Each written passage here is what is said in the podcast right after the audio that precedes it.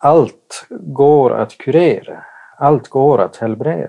Den kraften och liksom den lösningen som finns på problemet finns någonstans i världen. Den finns någonstans i naturen.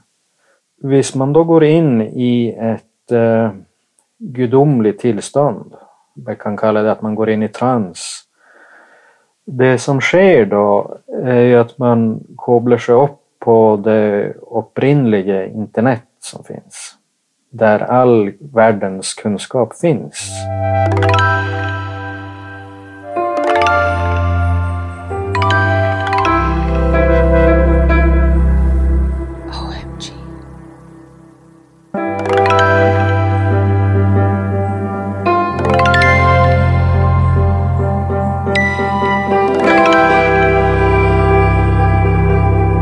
I dag, Ann, Ja, i dag skal vi snakke med eh, et menneske og, og dette er noe som jeg har gleda og litt grua meg til, kanskje. For hva är det vi ska göra idag? alltså. Jag kommer ju från en nordsamisk renskötande familj. Och där är det ju ursprungligen en tradition av noider, noider. Eller shamaner som många skulle säga. Och idag ska vi prata med en som kallar sig för det. En sjaman, Mm. rett og slett. Mm. Og apropos vår bakgrunn, Mm. dette er jo også noe som er litt fy-fy. Ja. For sjamaner de står jo i ledtog med djevelen, og de snakker jo med demoner og de døde, og de er i kontakt med de onde kreftene. Har jeg vokst opp med. ja.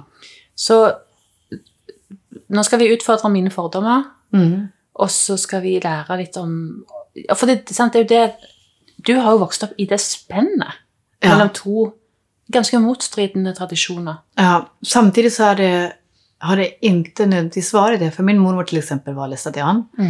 Ehm, och det var syndigt att jojka, till exempel. Og, Men- og, og på grunn av akkurat det som jeg sa nå. Ja, precis. Samtidigt så ringde min mormor till sin konstor. Som är en liten annan sak. Alltså, vi behöver inte gå in på noggrann samisk terminologi för olika typer av andra kategorier. Men en, en helande man i samisk tradition. Mm. Ehm, så han var den hon ringde till istället för att gå till doktorn. Ehm, Var det lov? Ja, det är ju så fint när traditioner möts. Mm. Så tror jag att det har varit bland många urfolk Mm. och kulturer att det är då den gunsten som mormor hade gjorde, det var att han eh, kom med sina råd och så, sa, och så avslutade han med Jesu namn. Ja. Så då var det inkluderat i Mm. den kristna tron. Mm. Det var i- inga problem för mormor, men det var vissa fält som var tabu. Ja, og, og i løpet av denne samtalen med, med Jungle, som han kaller seg, Mm. så, eh, så er jeg jo nysgjerrig på hva han tenker om kristendommen, f.eks. Ja. Og hvordan han sjonglerer og håndterer Jesus. Mm. Og det er kanskje en sånn gjennomgangsting for meg i alle disse samtalene vi har med folk også. Sånn, hvor skal vi av Jesus i dette? Men jag tycker att det är intressant därför att det kommer kanske de som lyssnar att märka att det är inte nödvändigtvis vi som tar upp det, men Jesus dyker upp i väldigt många konversationer. Mm. Så det är en, en eh, kraft Ja. som många förhåller sig till oavsett vilken religiös tradition man kommer ifrån. Mm. Eh, För mig var det viktigt att det inte skulle bli allt för internt samiskt. Det finns en, en samisk podcast som har intervjuat Jungle också om man, vill, eh, om man är samisk och vill ta del av mer, specifik, eh, mer specifika samiska perspektiv på det han berättar. Men det som är spännande är hans relation till naturen. Mm. Och naturen som någonting som är en del av Gud. Ja, nettopp det. Og, og så kan man jo også si at eh, sjamanisme det er på måte veldig hot Mm. i kulturen for tiden. Eh, altså så, Såkalt sånn ny, nysjamanisme. Det er jo, altså, vi har sjaman Durek, som er sammen med Märtha Louise i Norge. Så det har blitt veldig Og, og klart for nordmenn som er litt forsiktige, så er jo det eh, Hvordan skal man forholde seg til det? ikke sant? Det er en del av populærkulturen, plutselig. Ja. Har han kontakt med noe, noen krefter i naturen som, som kan være bra Mm. å være i kontakt med? Mm. Hvordan skal vi integrere det i en, et veldig mekanistisk ateistisk verdensbilde og eller et, et tradisjonelt kristent Mm. verdensbilde? Mm. Det er jo det vi Mm. jobber med. det. Ja, och också vilken typ av helhetssyn som han navigerar utifrån när han ska verka som shaman. Eller noid. Ja, hvis noe er sant, så er det jo sant overalt Mm. og til alle tider, tenker jeg, da. Eh, og det han erfarer eh, Det må man på en måte bare måle ut ifra frukten av det igjen. Mm.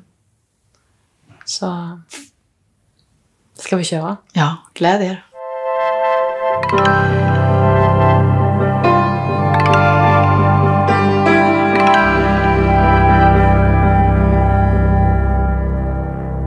Jag kommer ju från en eh, släkt, alltså där shamanismen har, eh, alltså från en eh, lång linje av shamaner. Det har ju som gått i arv i vår släkt i, eh, ja så långt tillbaka som det går att spåra det. Och den enda som det här arvet som sett hoppade över, det är ju, det var min far. Så att det är ju en, eh, ett arv som går tillbaka, ja, sannolikt till alltså tidernas begynnelse. Så att eh, det, det är väl om man säger bakgrunden. Ja, hvordan, hvordan vokste du opp da i forhold til det samiske? Ja, alltså jag är ju från ett eh, rennäringsdistrikt eh, i norr och eh, gränsen mellan Norge och Sverige blev ju rätt rätt igenom.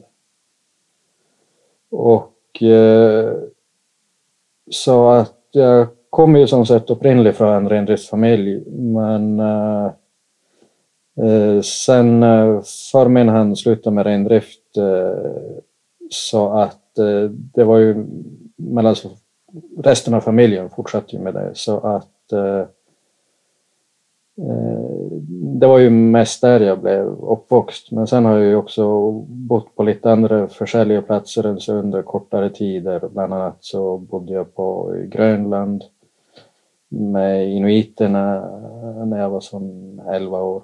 Och, sånt. Och så, så att eh, det är ju framförallt alltså i det samiska som jag är uppvuxen. När du var barn då, vad visste du om, om din släkts egenskaper? Allt. Eh, För eh, det visste jag innan någon hade förtalt mig det. Det visste jag, det visste jag innan jag kunde prata. Hur visste du det då? Eh, därför att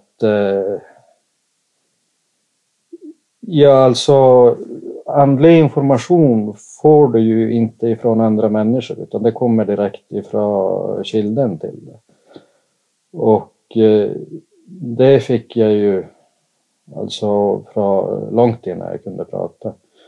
Så att när jag lärde mig att prata så eh, frågade jag mina föräldrar att, eh, att vad heter det någon som gör sådana sån, eh, såna ting. Och eh, då sa de att eh, ja, det är Noaidi, alltså shaman. Så jag sa det att eh, ja, det är det jag kommer till att bli. Så sen så eh, när jag blev eh, äldre så, så lärde jag mig ju rent fysiskt om alltså min familjs historia. Men hvis jeg skal få spørre da, som en person som kan veldig lite om dette, kan du forklare meg, hva er en sjaman? Ja, det är... Ja, alltså man kanske, det kanske är lättare att börja med att förklara vad är shamanism? Och eh, shamanism det är... Eh, det, det är väl två ting som framförallt som det är. Det ena är att det är den eh, andliga kontakten med naturen. Det är ett ord på det. Och eh, det andra är eh, evolution. Alltså det är en, eh, en evolution, en utveckling. Så en shaman är ju då en person som eh, har den här eh, andliga kontakten med naturen i lite större mål än genomsnittet. Och det kan vara en kombination av medfödda ämnen och sen vad man också har tränat sig till. Det är ju som eh, Eh, du kan vara född med ett anlägg till att spela gitarr. Och visst du inte är född med det anlägget så kan du, du kan ju lära dig att spela lite då, men du kommer aldrig att bli en världsstjärna. Och om än du har väldigt goda anlägg till det, så om någon aldrig sätter en gitarr i händerna på dig så kommer du aldrig till att utveckla den ämnen och bli en, en stjärna med gitarr. Så eh, ja, vad var spörsmålet? Nej, det var fint svart. Um, så en sjaman är en person som har speciell kontakt med naturen. Men naturen, den är ju bara naturen. Alltså, vad, vad menar du med det? Uh, ja, alltså uh, det andra som jag sa som det är, det är ju evolution. Och uh, det är där som det skiljer sig väldigt mycket från religion. För det är att religion är eh, kontra evolution. Och shamanism handlar bara om evolution. Så, och naturen, det är ju... Alltså det hand, då måste man kanske gå tillbaka lite och förklara om alltså hur hela kosmos fungerar. Att eh, eh liksom allt, det enaste som finns är liv att för utan liv så finns det ingenting. Och livet är oändligt. Och något som är oändligt, det har varken slut eller begynnelse. Det är något som alltid är där. Och allt det, vi, det som finns är ju liv. Alltså eh, eh, planter, eh, eh, Steiner, stenar, fjäll, allting är en typ av liv. Och allt liv har den samma upprinnelsen. Så om man zoomar ut och ser det här från ett längre avstånd så kan man ju se att det finns egentligen bara ett liv i hela universet. Och eh,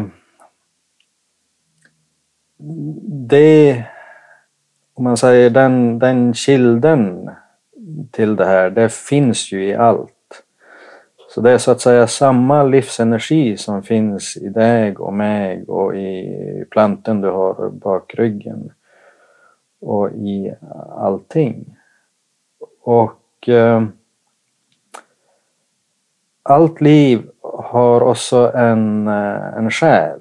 Alltså, inget liv är... Visst, det är något som bara är mekaniskt så är det inte liv. Utan betegnelsen på vad som är liv, det är ju att det är något som är besjälat. Och det, det innebär ju att, eh, att vi är allesammans väldigt lik. Alltså både du och jag och eh, eh träd och fjäll och vanndråper och allting. Så allt har en bevissthet. Alltså en, eh, ett träd har, har en bevissthet i lika hög grad som det du och jag har. Men ett träd har en lite annan måte att tänka på. Den tänker inte akkurat som ett människa utan den tänker som ett träd.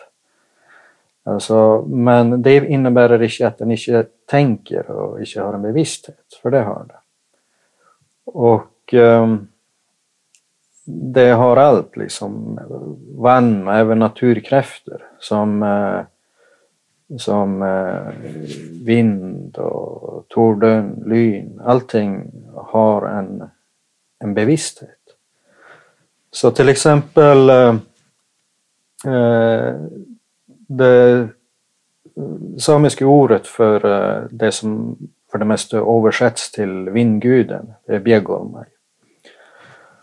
Och eh, vad är det egentligen? Alltså om man studerar i böcker kring det här så syns ju att det blir många gånger väldigt missvisande. För att eh, då talas det liksom om en figur som eh, eh som, ja, det verkar lite som fantasiaktigt syns jag när man läser om det i böcker. Men om man ser det på en lite mer sån vetenskaplig måte så blir det enklare att förstå. Och det är ju att eh, vinden är inte bara en random företeelse som sker utan plan och mening eller något sånt. Utan vinden har också en bevissthet. Och namnet på den bevisstheten på mitt språk är Begolmai. Och på, så, på den måten så finns det alltså själ är detsamma som en bevissthet. Alltså visst, visst, någon har en bevissthet så har den själ. Och visst, någon har en själ så har den bevissthet. Och allting har en sån bevissthet i naturen.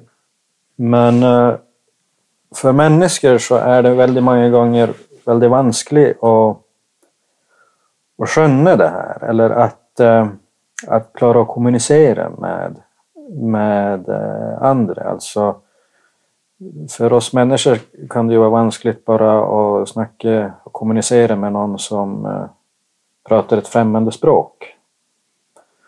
Och när vi då snackar med andra livsformer så då blir det ända lite mer komplicerat. Och ju längre väck från oss själva de här livsformerna är, ju vanskligare blir det. Som de flesta människor klarar ju ganska gott att kommunicera med en hund till exempel.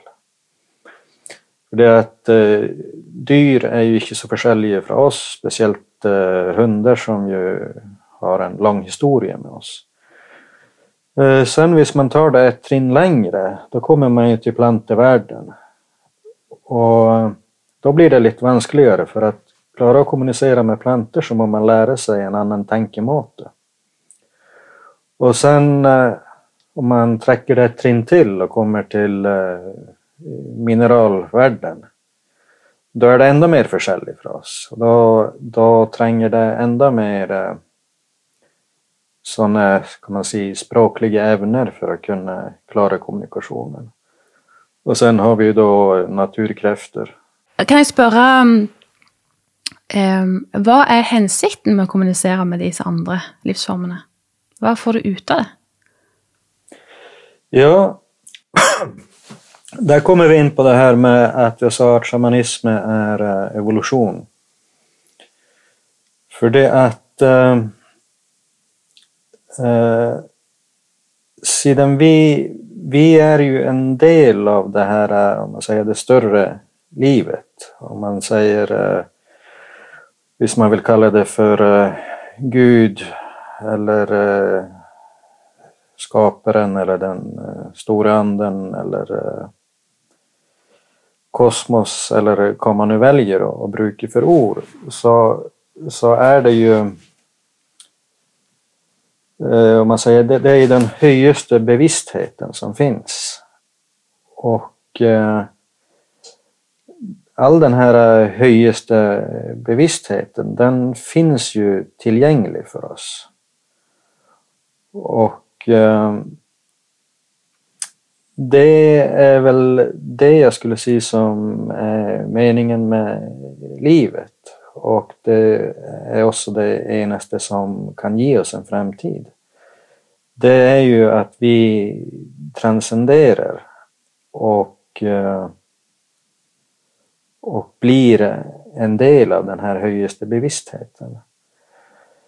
Det är till exempel som om jag lagar en eh, helbredelse på någon så ett spörsmål som jag väldigt många gånger får när någon kommer till mig, det är om jag har eh, erfaring eller kunskap med just det specifika problemet. Och det har jag som regel inte för det att eh, de som kommer till mig, det är de som har så ovanliga sjukdomar och problem så att eh, den västliga eh, sjukvården inte vet hur man, kan man lagar med det. Så det som jag svarar på det är att det har inte så mycket att säga om jag har eh, erfarenhet eller kunskap om det. Eh, det är egentligen väldigt ointressant. För det att äh, allt går att kurera. Allt går att helbreda. Och den kraften och liksom den lösningen som finns på problemet finns någonstans i världen. Den finns någonstans i naturen. Och eh, Visst man då går in i ett eh, gudomligt tillstånd eller eh, man kan kalla det att man går in i trans. Det som sker då är ju att man koblar sig upp på det upprinnliga internet som finns. Där, där, det, där all världens kunskap finns.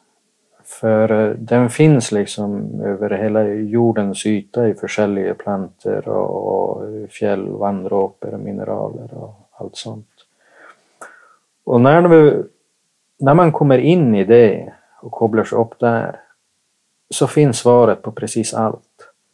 Och eh, det ger en, eh, en vägledning för, eh, för shamanen, att hur ska shamanen ordna det här? Så att eh, i ett transtillstånd så är man också på en måte bortom för eh, fri vilja. För det att fri vilja är ju egentligen begränsning. För det att när man kommer förbi den fria viljan, då är man ju ett med den högsta bevisstheten. Och där finns det inte några begränsningar. Så eh, det är ju en måte på rent praktiskt vad som är nyttan med det här.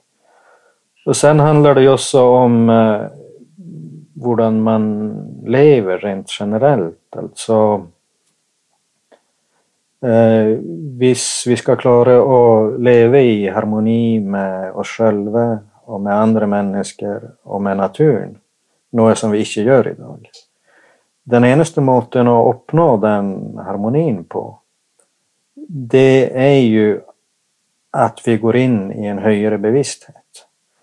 Och eh, shamanism är, kan man säga, det är ju en, eh, en tankemåte och en serie med tekniker på hurdan man tar sig in i den här äh, högre bevisstheten. Konkret, när du sätter dig i trans, alltså du har tekniker för att kunna göra det effektivt antar jag? Eller är det också kopplat till ditt kall, att du är född sån som har lättare att sätta dig i trans? Hur är det? Eh, jo, alltså det är som jag sa i begynnelsen att eh, det har ju mycket att göra med eh, vad, man, eh, vad man har för anlägg. Alltså att, eh, att jag är ju född med anlägg för att göra det. Så att eh, det är liksom det som är min talang. Och eh, sen så handlar det också om då träning. Och det finns ju många måter man kan försätta sig i trans på. Jag har nog eh, prövat eh, de flesta eller alla. Ehm, och det är ju sånt som ehm, det finns flera saker man kan göra för att trigga det här. Alltså det som kallas för Vision Quest. Det handlar ju om att då är man eh, utan eh, mat och vann under en längre tid så att man hamnar i en extrem situation. Och eh, det är ett sätt att liksom tränga igenom slöjan in till eh, andevärlden. Sen är det ju eh, plantemediciner eh, som, som hjälper dig att eh, tränga igenom slöjan och komma in i ett transtillstånd. Och sen är det ju trumning, ett eh, monotont ljud. Eh, till och med technomusik är ju baserat på, på just det. Och um, sen är det ju meditation och meditation bygger ju det finns ju väldigt många försäljare att meditera på men det bygger ju ofta på att det är ett mantra som man upprepar inom sig själv. Och det blir ju mm, lite av samma princip som, eh, eh som att trumma. För att det är ett, ett ljud som du gentar inom dig själv. Um, så att, ja, det är väl de, ja, dans är ett annat, eh, en annan teknik. Um, och uh, här whirling, de här, de här uh, dervischerna. Ja, de som spinner. Ja, spinner. Så ja, det är väl de tekniker jag kommer på nu så här på rak arm. Och men sen kan man väl säga då att när man, man kommer förbi det här till slut så kommer man in i ett permanent tillstånd av det eller att man eh, helt enkelt bara med vilja kan gå in och ut utav det här utan utan att egentligen göra någonting annat än att man tänker, så sker det. För du är så van till att veta både det Dit eh, till exempel Jesus kom. Att, eh, att han kom till en punkt dit alla shamaner vill komma. Att, eh, att han kom till en punkt där han inte längre behövde göra något speciellt för att försätta sig i det tillståndet. Och ju mer man gör det, ju mer man tränar på det, ju bättre blir man som med allting annat. Alltså det blir lättare och lättare ju mer man, man gör det. Tror du att, alltså för du pratar om, om att vi alla för, för världens överlevnad och alltihopa behöver transcendera till ett högre bevissthetsnivå. Ja. Men, men det är inte så att alla behöver lära sig de här metoderna? Eller, eller vad, vad, vad handlar det om när vi alla ska transcendera? Ja, alltså Eh, så som världen ser ut idag med eh, den miljöförstöring vi har och eh, krig och kriminalitet och alla möjliga samhällsproblem så måste någonting hända och här i Sápmi så är ett problem som finns nu som är väldigt stort, det är ju det här med gruvdriften. Och när det då ska byggas en gruva på ett väldigt känsligt område så kan det ibland eh, skapa sådana känslor så att väldigt många går ut och demonstrerar mot det och någon gång kanske man till och med lyckas att förhindra en gruva. Men problemet med det är att eh, i det medialyset som blir på det så blir det väldigt mycket annat som hamnar i skuggan. Och så det sker en massa andra katastrofer runt om. Som, eh, ja, för det att eh, allt fokus är på att stoppa just den gruvan. Så att det är en metod som jag inte tror på det här med att demonstrera mot en gruva till exempel. Det funkar inte. Utan det enda som kan fungera, det är ju om vi allesammans globalt transcenderar. För att då försvinner viljan att göra saker som ödelägger våran värld. Och rent praktiskt, som du säger, hur det här ska gå till med tekniker och sånt, Jo, jag tror att de här teknikerna borde spridas. Jag tror alla de här teknikerna borde, borde spridas. Och eh, som det är nu så är det ju inte ens alla de här teknikerna som är lagliga. Och på historiskt sätt så har egentligen alla de här teknikerna varit olagliga. Alla. Och eh, under eh, århundradenas gång så har det varit en, eh, eller år, senaste årtusendet, så har det varit en långsam process att eh, legalisera en efter en av de här teknikerna. Alltså, det var länge olagligt att spinna, alltså för de här dervischerna. Och de var förföljda av det muslimska samfundet. Och trummor var förbjudna till, eh, ja, det var inte lång tid sedan. Och eh, plantmedicin är fortfarande inte helt legaliserat i, överallt. Och eh, ja, till och med Wishing Quest är inte helt lagligt. Eh, såvida man inte är 18 eh, år eller mer. Mm. Så det, det är ju, jag tror där det måste begynna, alltså att man eh, i vart fall ger folk möjlighet till de här teknikerna. Att de inte ska hållas alltså förbjudna och hemliga. Och där börjar det med att folk rent intellektuellt tror jag måste acceptera att eh, det sätt vi lever på, det sätt som vi ser på saker fungerar inte för att det har lett oss till en katastrof. Och jag tror den eh, förändringen i tankemåten är det, det som är allra viktigast. För att om den tankemåten förändras, då kommer det här med tekniker att lösa sig av sig själv. Vad gör en urbefolkning till en urbefolkning? Alltså, what makes an indigenous people to an indigenous people? Eh, svaret på det skulle jag säga är den andliga kontakten till naturen. Och i det icke indigenous samfundet så blev den andliga kontakten bruten för väldigt länge sedan. Eh, om man ser på det norska och svenska samfundet så blev den bruten för tusen år sedan. För att för tusen år sedan så blev eh, Norge och Sverige koloniserat av kristendomen.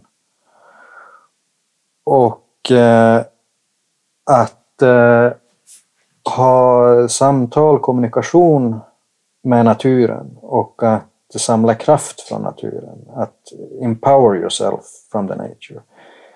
Det blev förbytt för tusen år sedan. Så att eh, det ligger ju tusen år tillbaka för, det, för, för en svensk eller norrman så ligger det tusen år tillbaka när det fanns ett samfund som eh, där den här kontakten var naturlig. Och eh, i det samiska samfundet så ligger det 400 år tillbaka. Och eh, det är ju liksom när det satte igång det här, när förbuden kom. Och Självföljd så försvann ju inte den här shamanistiska kunskapen över natten bara för det att det blev förbjudet, utan det tog ju lång tid. Så att eh,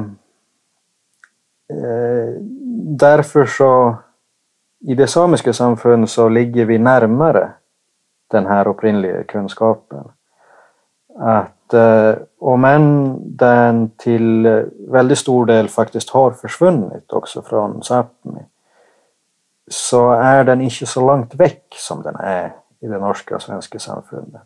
För det att här finns det fortfarande med rester utav den här äh, upprinnliga kunskapen och, och andliga naturkontakten. Och det finns ju de flesta här känner ju till någon, liksom de som är på min ålder eller mer i vart fall, att äh, som i mitt fall min farfar och andra liksom. Vi behöver inte läsa i böcker för att liksom huska hur det en gång var utan liksom far min han var född i en lavvo och levde i lavvo året runt tills han var 15 år. Så jag liksom uppträtt av någon som har vuxit upp till 100 procent på den gamla måten. Och i det norska svenska samfundet, då ligger det så många generationer tillbaka så att det är ett väldigt långt skritt att, eh, att ta det igen. Och då har jag lust att fråga om det som, som jag tänkte fråga om, och det är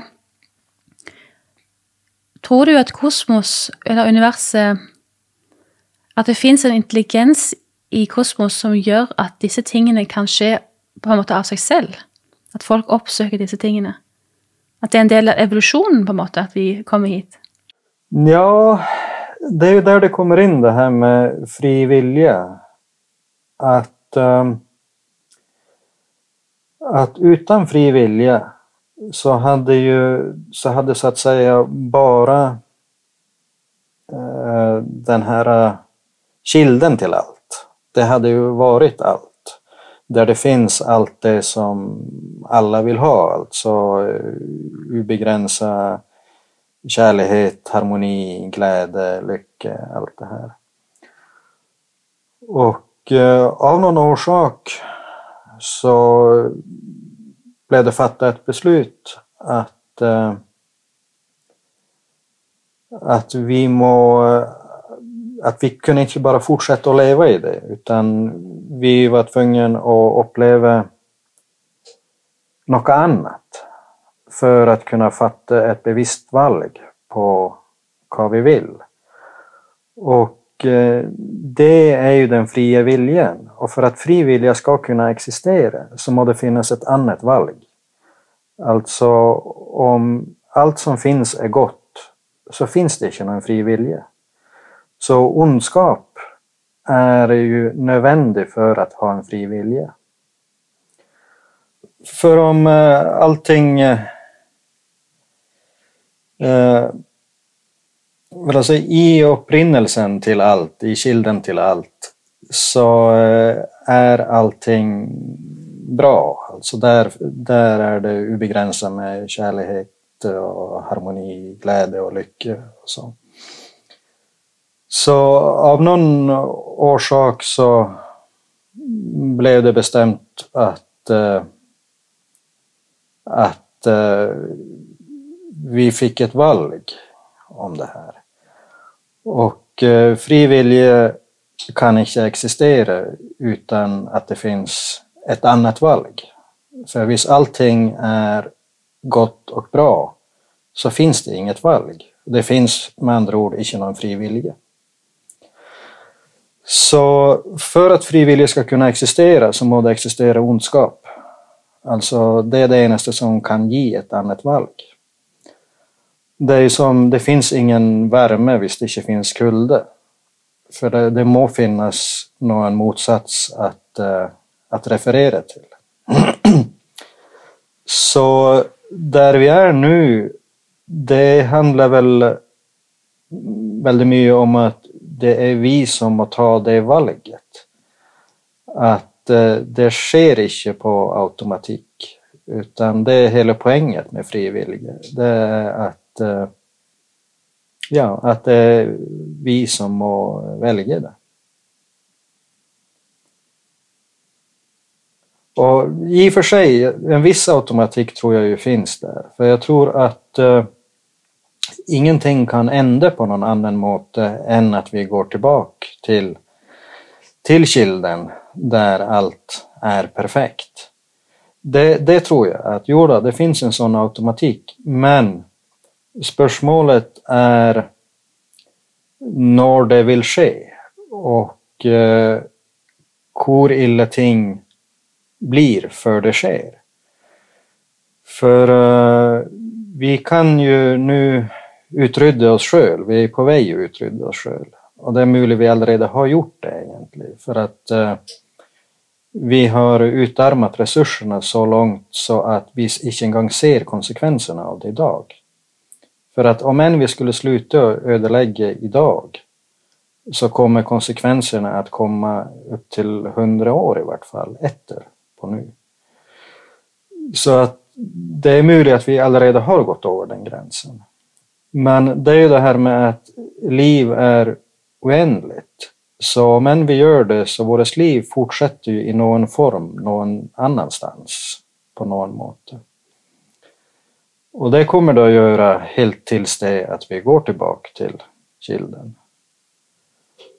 Men eh, jag tror inte att det finns någon automatik som säger det att vi kommer att gå tillbaka till det här för vi har eh, utryddat oss själva som människor. Det tror jag inte. Utan eh, där är det det här valget. Det är det som är poänget med fri vilja. Det är så intressant. Kan du beskriva vad du ser eller vad, vad som sker i dig när du är i det tillståndet? Ja, det var det jag var rädd för att någon skulle fråga. uh, det är lite svårt att förklara för att eh, mänskligt språk eh, täcker inte riktigt eh, något sätt att förklara det här på. Eh, till att börja med så måste jag säga att det här med trans är ingenting som är av eller på, utan det finns, det är en glidande skala. Så det finns flera nivåer av det. Och eh, när jag kommer till den högsta nivån av trans som jag har upplevt, eh, då kommer jag till en punkt där jag är bortanför fri vilja. Och eh, det är nog det mest fantastiska jag upplevt. Och eh, jag jobbade ju i många år i Peru och där och gjorde ceremonier. Det var med, ju med eh, framförallt med ayahuasca. Och eh, under en ayahuasca-ceremoni det är enkelt att ta det som ett exempel för att det, det är så, det gäller liksom egentligen i alla, men det, det är ett enkelt exempel. Så pratar man inte. Utan eh, det enda är att shamanen sjunger eller jojkar. Och framförallt liksom varför jag jojkar i en ceremoni. Det är för att eh, det som sker i ceremonin kan inte förklaras med ord.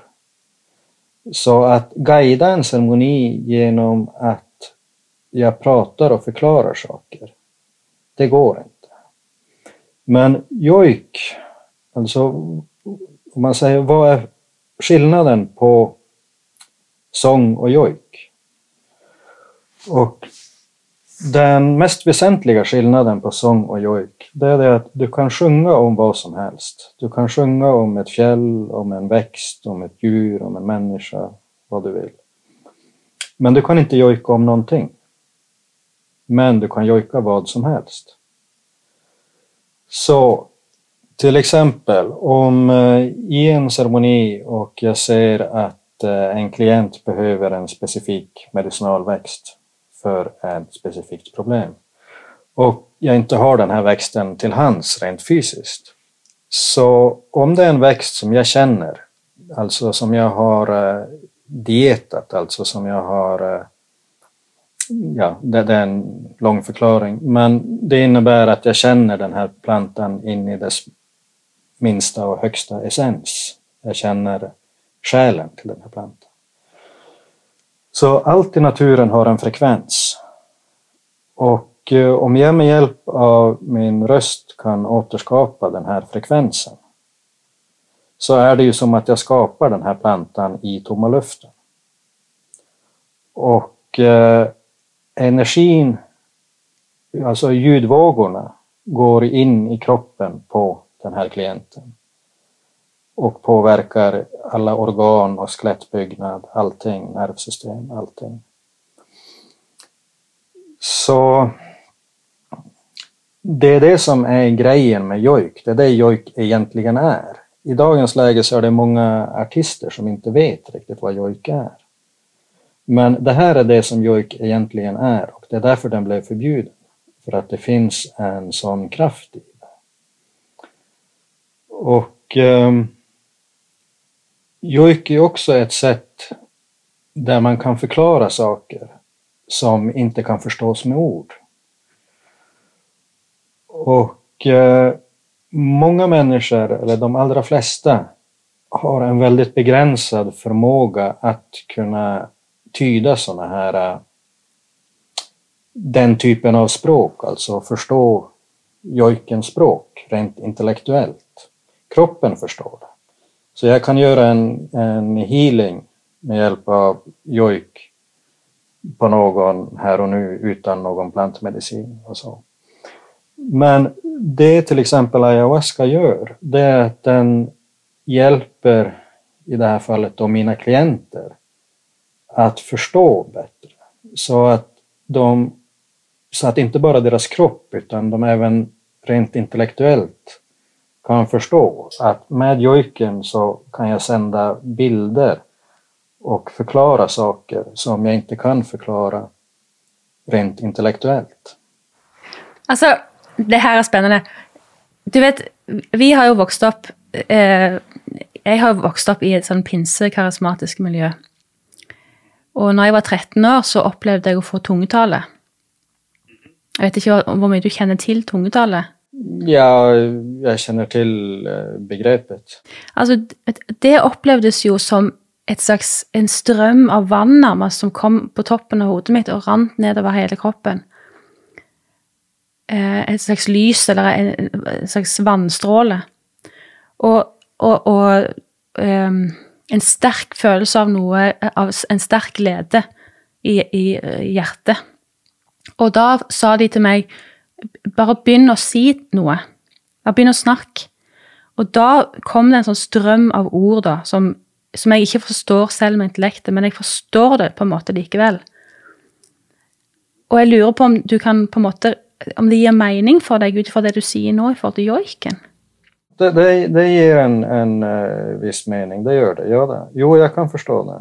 Det, det. det är något av samma princip. Ja. Så at noen ganger, noen ganger hvis, jeg, hvis jeg føler noe og ikke har et språk for det, eller hvis jeg har lyst til å be om noe, men jeg vet ikke helt hva, så kan jeg bruke tungetalen som en måte å be noe som jeg ikke vet hva er engang. Ja, jo, ja, ja, jo då, det, det, kan jag relatera till. Det, det, är lite av det jag pratade om i begynnelsen här, att, uh, att eh, när man kommunicerar med andra livsformer så går det på ett annorlunda språk och du måste tänka på en annan måte. Så mycket av att lära sig och bli shaman, det är att du måste lära dig att tänka på en annan måte. Alltså du måste lära dig att tänka till exempel som en växt, som en planta. För att det är så man kommunicerar. Alltså, ett enkelt exempel är att jag jobbar väldigt mycket med hundar och träffat massor folk som har hundar. Och det som är genomgående för de som är väldigt god till att träna hundar, det är att de skönner att hundar är hundar. Och sen finns det någon som tror att hundar är som människor. Och de eh, är inte särskilt goda till att träna hundar. För att enaste måten till att träna hundar professionellt, alltså de som gör det, de skönner att hundar är, inte är människor. De är väldigt annorlunda. Och de har lärt sig att tänka som en hund. Och kommunicera med hunden på ett språk som hunden förstår. Och det är samma då när man tar en planta, men det är ju ett trinn som ligger väldigt långt bortanför det att kommunicera med en hund. Och det är samma ting där, att du kan inte förlänga att planten ska tillpassa sig till dig. Det är du som har tillpassat dig till planten och lära dig det språket. Och den tankemåten. Och det innebär att det vanliga eh, mänskliga intellektuella tankemåten, den må man ge slipp på för att lära sig en annan tankemåte. Kan jag få spørre lite vidare om, om dette med fri vilje. Hvordan kan man bruke sin frie vilje på et åndelig sett for å eh, påvirke verden, eller påvirke seg selv, eller skape gode ting rundt seg? Ja, det är ju genom eh, eh, Till exempel så att jag valde att eh, vidareutveckla och, och liksom utveckla det shamanistiska i mig själv. Det är ju min fria vilja. Det är ju med min fria vilja som jag tog det valet. Och eh, till exempel eh, den som eh, förbjöd bruket av eh, trummor lagt ju det valget av sin fria vilja. Och den som sen legaliserade det lagt också det valget med sin fria vilja. Så att den fria viljan, det är ju med den vi, vi lagar hela tiden valget, att vilken väg ska vi gå? Och sen eh, så kan man väl se att eh, det har ju också blivit mer och mer vetenskapligt bevist att eh, det är inte bara med hjärnan som ett människa tänker utan eh, det finns också en ganska stor tankekapacitet i hjärtat. Det finns det egentligen i vart cell av oss. Men speciellt i hjärtat finns det mer. Och eh, det som är en shamanistisk visdom, det är ju att Eh, man ska fatta beslut utifrån det hjärtat säger. Och eh, hjärnans funktion är mer som ett verktyg. Att så att säga att visst ditt hjärta säger att du ska bygga ett hus så lär du det liksom beslutet ligga där. Sen exakt hur det här huset ska sättas samman då brukar du hjärnan som ett verktyg för det är hjärnan som ska liksom, ha den typen av logiskt tänkande på hur exakt det sätts samman. Jag såg en väldigt spännande dokumentär på SVT som faktiskt handlade om personlighetsförändringar vid hjärttransplantationer. Oj. Som också då lite grann bevisar just den tesen. Jo, det. Jag tänker ju att vi kanske i hvert fall i mitt liv så har jeg brukt mye tid på å stole på hjertet mitt. Og at det kanskje er en ting ved vår kultur, at vi er veldig vant til å bruke bare det oppå her, oppå i hjernen. Og der er vi inne litt på det som eh, jeg sa her eh, eh tidligere om eh, kabbala.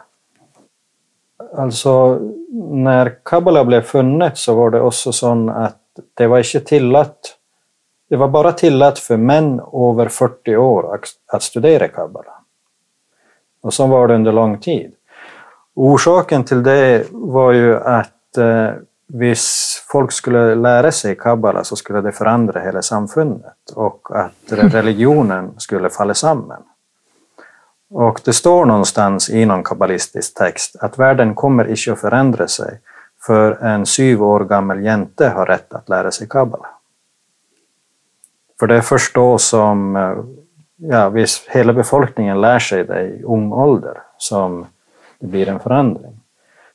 Men så verklig djup andlighet, det är ju när du konstant i dig själv hör stämmen till Gud som hela tiden eh, guidar dig och förtäller dig vad du bör göra i vart enkelt situation.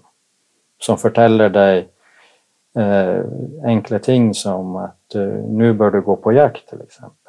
För det är inte ett val du gör, du, hör, du, du följer Guds stämma i dig som säger det att nu, nu sulter familjen din, att nu måste du gå på jakt. Och som också förtäller dig att nej, gå inte åt det hållet, gå åt det hållet. Och det är, det är ju det som är sann andlighet. Och eh, det är liksom det som är det som shamanismen bygger på. Att, eh, eller i vart fall, ja. Och, eh, men när den här andligheten blev brutt, alltså när den begynte att försvinna, eh, då blev det plötsligt ett, eh, ett hull i våras liv. För att det är det viktigaste som finns att när vi inte längre kunde höra Guds stämma, då, då, blev, det, då blev det kriser. Så då blev religion skapt som eh, en eh, ersättning för andlighet. Och religionen är också begränsad, för det är att religion eh, tillåter inte evolution. Utan religion bygger på ett koncept där, eh, där allting är som sett fryst, alltså ting är på en speciell måte och kommer alltid att vara på en speciell måte och det är något, något man må acceptera. Och det enaste sättet som ett sådant koncept kan eh, liksom fungera och få vara attraktivt för folk, det är ju att folk inte hör Guds röst inne i sig. För gör man det så har man inte behov för någon religion. För att då är du i kontakt med Gud. Det finns ju många människor som har andliga upplevelser innanför sina religioner också.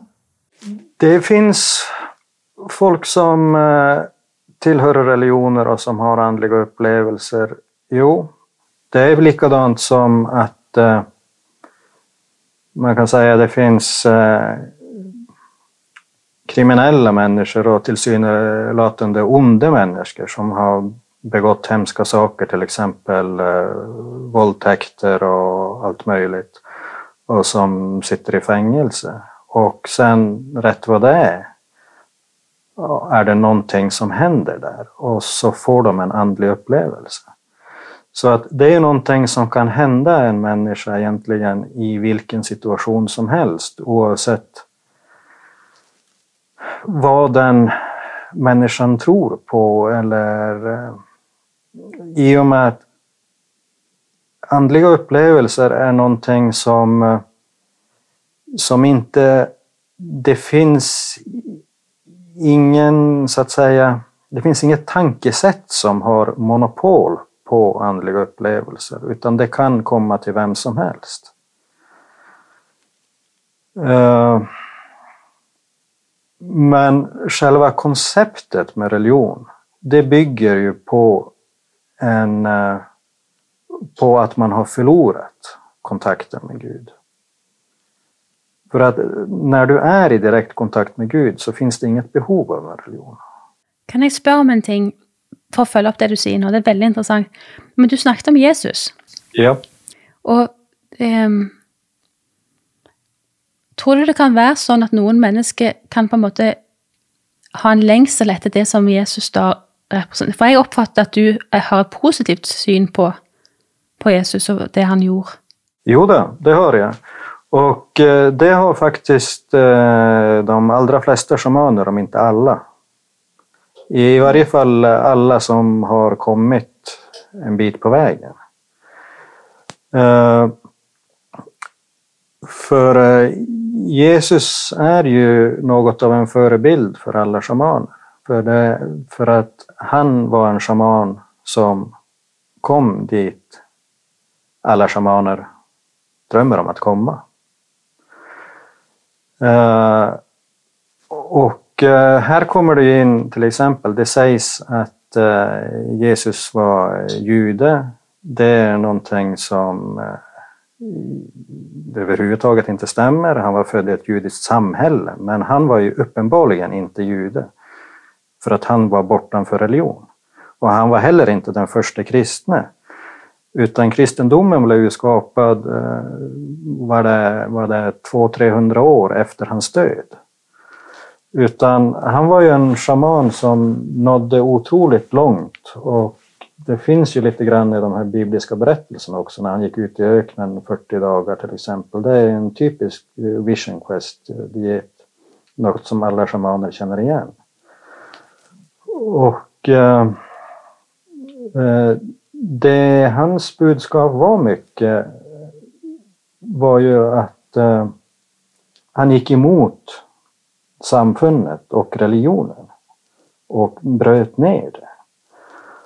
Och eh, därför så blev han ju, som många andra shamaner, både före och efter historien, så blev han torterad till döds. Det var inte lång tid sedan eh, det var en vanlig praxis här i Sápmi. Jag menar inte långt från där jag sitter just nu så eh, den plats där, eh, där eh, ja vad är det, jag tror det var, jag huskar inte hur många det var, men det var väldigt många shamaner som blev bränt eh, här i Finnmark. Så, och sen problemet var att eh, han var så karismatisk och eh, hade ett så vackert budskap att det hjälper inte. Alltså att, att dräpa honom. Utan folk följde ändå.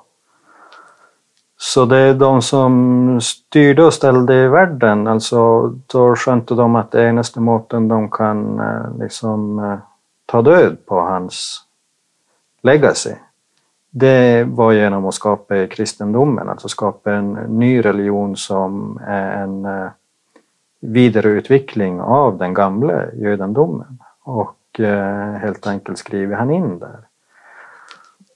Och på Grönland till exempel så pratade jag med en gammal inuit där.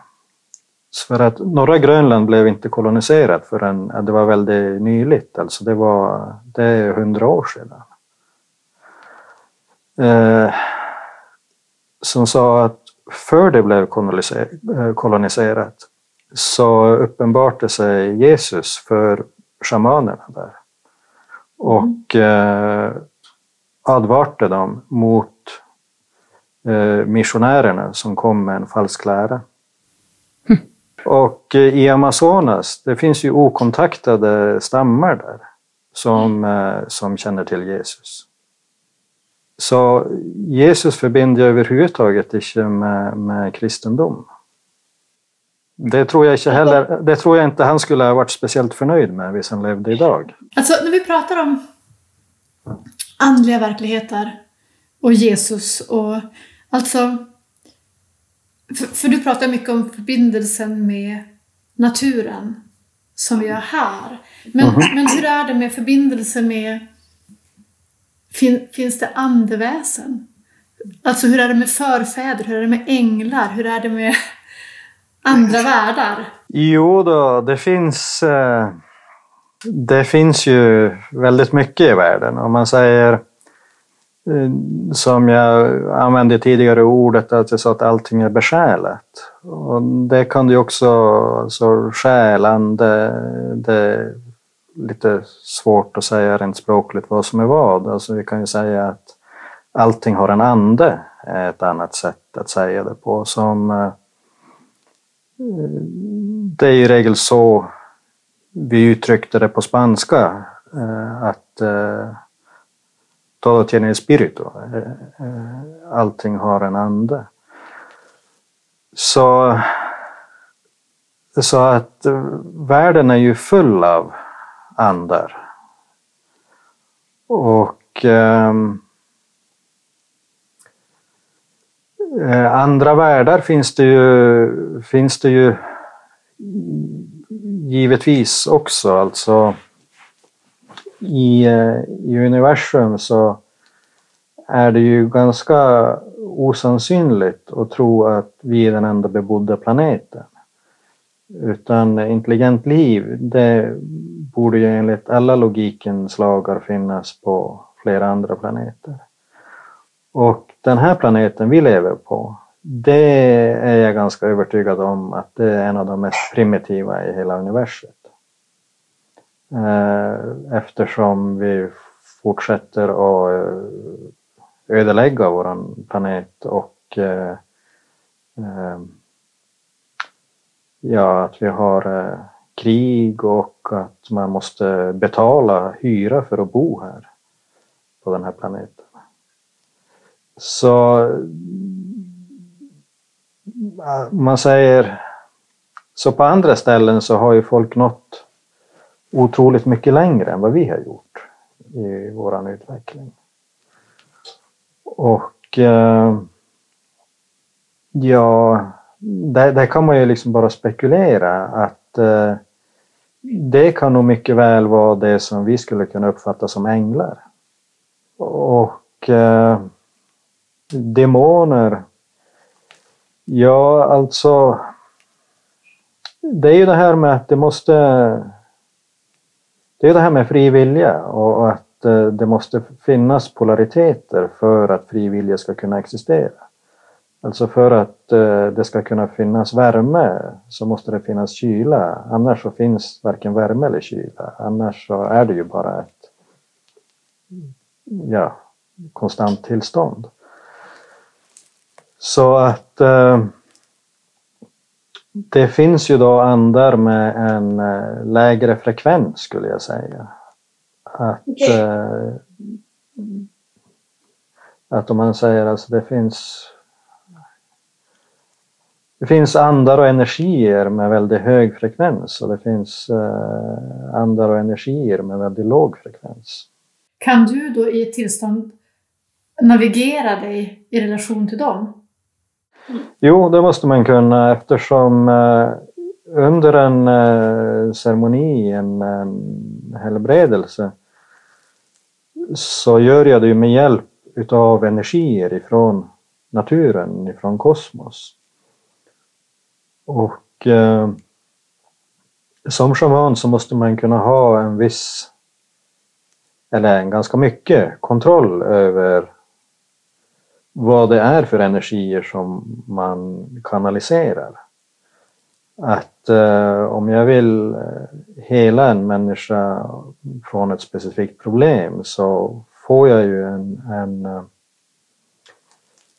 eh ett besked om vad slags energier, vad slags andar är det som, eh, som kan vara till hjälp med det här.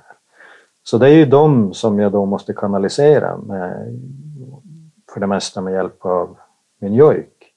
Altså, jeg vil jo spørre deg, eh, Jungle Du vet, min oppvekst i, i den pinsekarismatiske tradisjonen, så er jo alt det du snakker om nå, skummelt.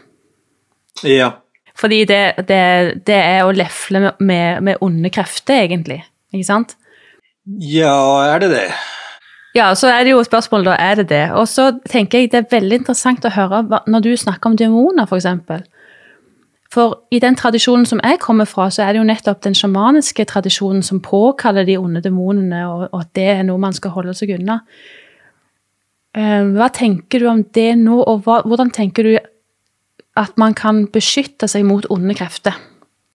Eh, ja, altså eh, kan ju begynne med å henvise til en av de største shamaner som har levt, eh, Jesus. Och eh, Jesus var ju inte den som var rädd för demoner. Utan eh, han konfronterade många demoner under sin tid. Och eh, det har jag också gjort. Ja. Och eh, hvordan, ja det finns lite olika, lite forskjellige ting, men om man säger grunden, alltså det mest centrala, det handlar om eh, vilken eh, frekvens du ligger på själv. För visst du, visst du sjøl är väldigt högfrekvent och befinner dig på en väldigt hög frekvens, det skulle jag säga är den bästa beskyttelsen. För det att eh, i den frekvensen så klarar inte demoner att existera. Och eh, vad som då är lavare frekvenser, det är väl, jag tror det är många som har den uppfattningen att eh, den lavaste frekvensen eh, kanske är eh, hat. Och det är en väldigt lav frekvens, men det finns något som ligger ända lavare. Och det är rädsel. Det är den absolut lavaste frekvensen. Mm. Och visst du befinner dig i så lava frekvenser att du ligger mellan eh, hat och rädsel, då är du ju blottstilt för demoner. För att då ligger du på deras frekvens. Det gir veldig mening. Så, så, så det man kan gjøre da først og fremst, det er å kvitte seg med frykt og hat. Ja, Och hur, hur kommer man upp på sina högre frekvenser då? Yes, hvordan? Ja, eh, där kommer du in då eh, det, väl det finns ju försäljliga ting man kan göra. Alltså det första handlar ju om att, ett beslut. Att du kommer ingenstans om du inte bestämmer dig för det. Så, så där begynner du ju med, med ett valg. Eh, sen så kan jag ju förtälla då lite om eh, som exempel så kan jag så, alltså det bästa exemplet jag kan ta det är ju mig själv, för det är det jag känner bäst. Och eh, eh, liksom när jag var väldigt ung så levde jag väldigt mycket alene i fjällen. Och eh, den måten jag lärde mig att överleva på det är ju att jag var nöjd till att ha en väldigt andlig kontakt med allt runt omkring mig. Med, med eh, planter, plantor, fjäll och inte minst is och snö och vär och hur dyr eh, går och vandrar. Och naturen i sig själv är, det är ju vår mor. Så det, det är i sig själv en väldigt hög frekvens. Men eh, sen så när eh, Sen drog jag ju till, till Peru när jag var i 20-åren. I, ja, i slutet på 20-åren tror jag. Och orsaken till det var ju att eh, bästefar min, han dog när jag var 12. Så att det var begränsad tid som han hade att lära mig. Så därför så, eh, och den kunskap som jag sökte den fanns inte längre här i Sápmi. Det finns liksom spridda rester utav det. Men alltså den ordentligt djupa kunskapen inom shamanismen, den fanns inte mer. Så då var jag nöjd att finna en plats där den är bevart och eh, Amazonas är en sån plats. Så därför drog jag dit. För det att Amazonas är så utillgänglig att eh, missionärer inte har klart och, och, och liksom splitta eh, deras bevissthet. Och den träning som jag fick göra där, det handlade framförallt om att laga dieter med försäljliga plantor. Och det är att ta det ett steg till. För en diet med en planta, det är att du tar en planta, vi kan se till exempel som jag har lagt här, eh, björk. Att du lagar ett eh, te utifrån björken. Och du dricker det här teet varje dag under en tidsperiod. Som de flesta dieter lagade jag två veckor. Och eh, hänsikten med det här, det är att björkens ond ska bli en del av dig. Den ska bli allierad med dig och bli en del av dig. Och allt det du stoppar i dig är en hinder, det är en hindring för den här onden. Och allt det du gör är egentligen också en hindring. Så därför så må man minimera de här hindringarna. Så att i de här två veckorna så är jag alltså i stort sett helt isolerad.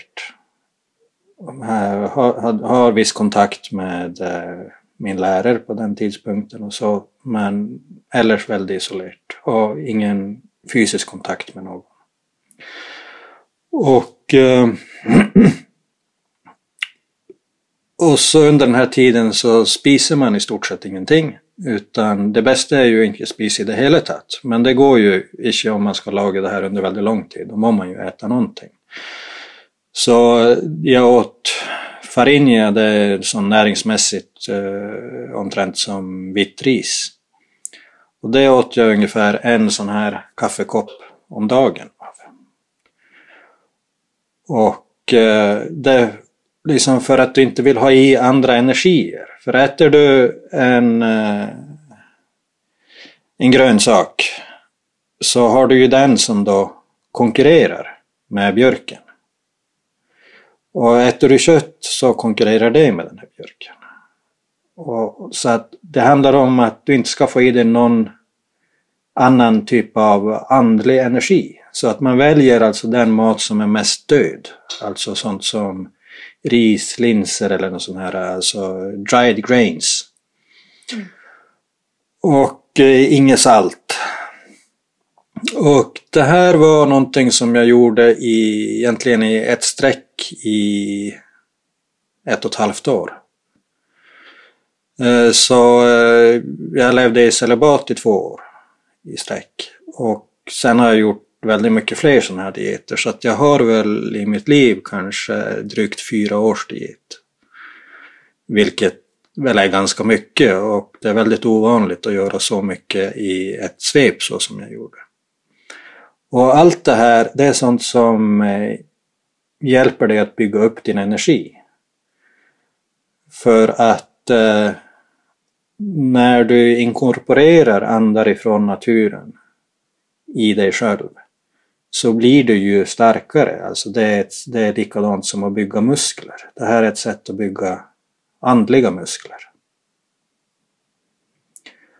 Och jag var väldigt vältränad fysiskt innan det här. Jag hade jobbat som eh, fjällguide med glaciärvandring, isklättring och kajakturer i Patagonien och sånt. Så jag var väldigt muskulös och det var liksom det priset jag betalade. För jag svalt mig själv så mycket under de här åren. Och eh, istället så fick jag, kan man säga, andliga muskler.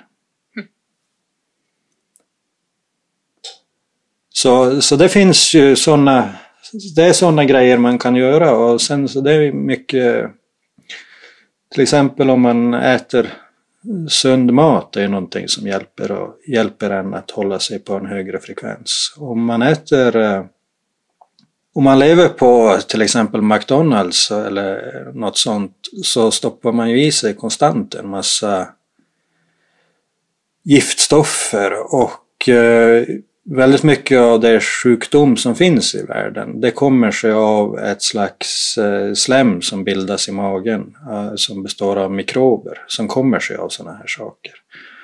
Och precis som allt annat i naturen så har de sin egen bevissthet. Och eh, det kan gå så långt att de tar över.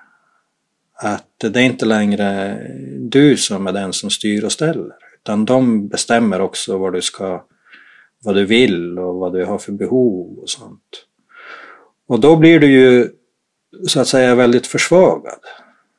Och det är ju sånt som drar ner din frekvens. Tänker du då för exempel att att spisa vegetariskt är bättre än att spisa kött? När det kommer till sånt? Uh, nej, det tror jag inte. Uh, för det att uh, det det handlar om är nog inte visst man spiser vegetariskt eller kött utan det handlar om hur det kommer ifrån. Mm. För att det här med liksom den här filosofin med, med att det skulle vara bättre att vara vegetarian för att man för att inte dräpa dyr till exempel. Det är för mig väldigt ologiskt för att det innebär att du skapar en hierarki. Att, då menar du alltså att eller den som menar det menar då att en, eh, ett rensdyr har en högre värde än en gulrot. Och jag har jobbat med eh, planteonder i väldigt många år och för mig så är de helt på lika fot med oss. Så att den värdeförändringen mellan ett dyr och en plante klarar jag inte att se. För det är att jag ser planter som precis lika tänkande och fölande varelser som allt annat i naturen. Och eh, frekvensen på, på, på, om man ser på det här med vegetarmat och kött, ser jag heller inte någon förskäll på. Men förskällen ligger ju i det är ju en otroligt stor förskäll på att spisa till exempel en älg som jag har skutt själv. Än att spisa eh, eh, liksom eh, kukött från en ku som eh, har stått i ett eh, bås och aldrig varit ute och eh, liksom bara har blivit eh, matad med eh, konstig mat och sånt och som det finns ju sådana här väldigt konstiga uh, kyr i Holland, Belgien Blue eller vad det är liksom som har som har helt artificiella muskler med dubbla muskeluppsättningar fast de inte rör sig. Mm. Det blir ju en, en väldigt lag, lagfrekvent och dålig energi i det. Och vegetarmat blir ju egentligen inte bättre för alltså nu med Monsanto och diverse andra sådana här genmanipulerade grejer att eh, och spisa till exempel genmanipulerat och eh, genmanipulerade tomater som kommer från en odling med en massa konstiga liksom, ting för att få det att gro. gro. Det är ju, då är vi på, liksom, tillbaka på ruta en. Det är ju samma som den här eh, kon som bara står där i ett bås. Mm. Jag förstår. Hm. Det är väldigt intressant att snacka med dig om detta för att det är inte någon skillnad på det andliga och det naturliga. Men kanskje du kan fortelle om du klarer å huske en, en av de tidligste gangene du oppfattet at du kunne kommunisere med naturen? Ja, alltså jag kan ju fortelle om en gång när eh, det blev mera tydligt att jag skulle att jag hade helbredande ämnen. Mhm. Och eh, då var jag väl en 10-11 år och sånt. Och var hemma hos någon eh, kompis. Och det var, så det var jag och han och så lillebror hans och så stora systern som var eh, något år äldre. Och sen var det inte någon fler där och det var eh, långt väck från närmaste bebyggelse. Föräldrarna hade dratt dem på besök någonstans. Det, det är ju långt. Det är alltid långa avstånd där uppe i norr.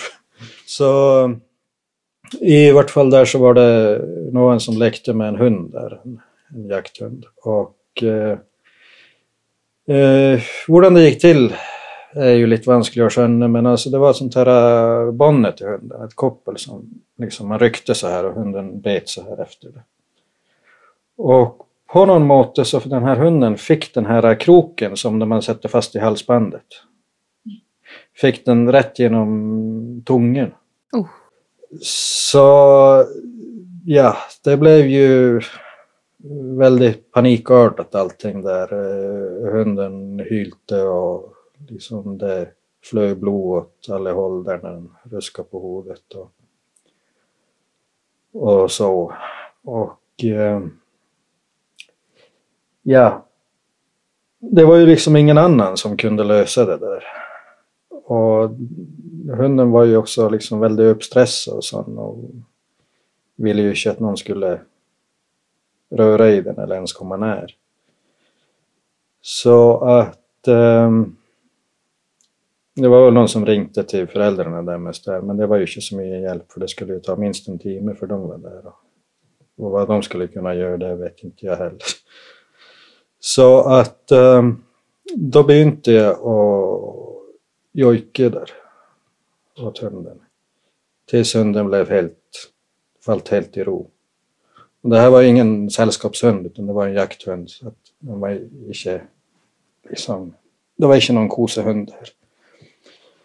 Så när den föll till slut helt i ro så då kom liksom, tog jag, gick jag, alltså började ta i hunden och så öppnade jag munnen på den medan jag fortsatte att jojka och höll den som i trans och så kopplade jag lös den här grejen från tonen. Och sen var det över och så alla andra bara stod där runt omkring och stirrade på mig och spurtade att vad var det där du gjorde?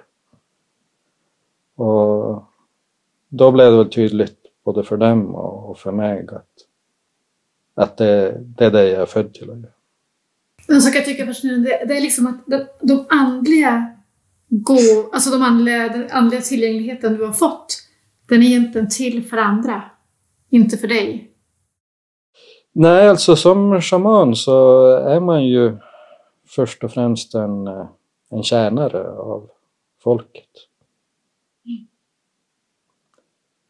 Det, det är ju det det är ju mer det det handlar om, att det är ju en, en service som, som, man, som man ger till samfundet. Så folk oppsøker deg for å bli helet, eller for å få hjelp til frågor de har, eller Ja. ja. Betyr det at hvis man har et spørsmål om, om Altså ikke om man er syk fysisk, men om man har et spørsmål om ting man lurer på, veivalg, eller kan du gå inn i, i transe og få svar på det på vegne av andre? Uh, nei, sånt her med, med eh, spørsmål og valg, det er noe som jeg ikke blander meg i. Utan det handler mer om eh, eh, uh, altså uh, sykdom, problem. Och eh, det kan ju då vara fysisk sjukdom eller som medan jag jobbade på det här healingcentret i Peru så var det en hel del eh, som kom med icke-fysiska sjukdomar. Folk som var eh, narkotikaavhängig och eh, folk med depression och sånt. Så att det sträcker sig ju långt utanför det här med fysiska problem. Och alltid när jag gör sådana här så får det ju en, en, vad ska man säga, en utvecklande effekt.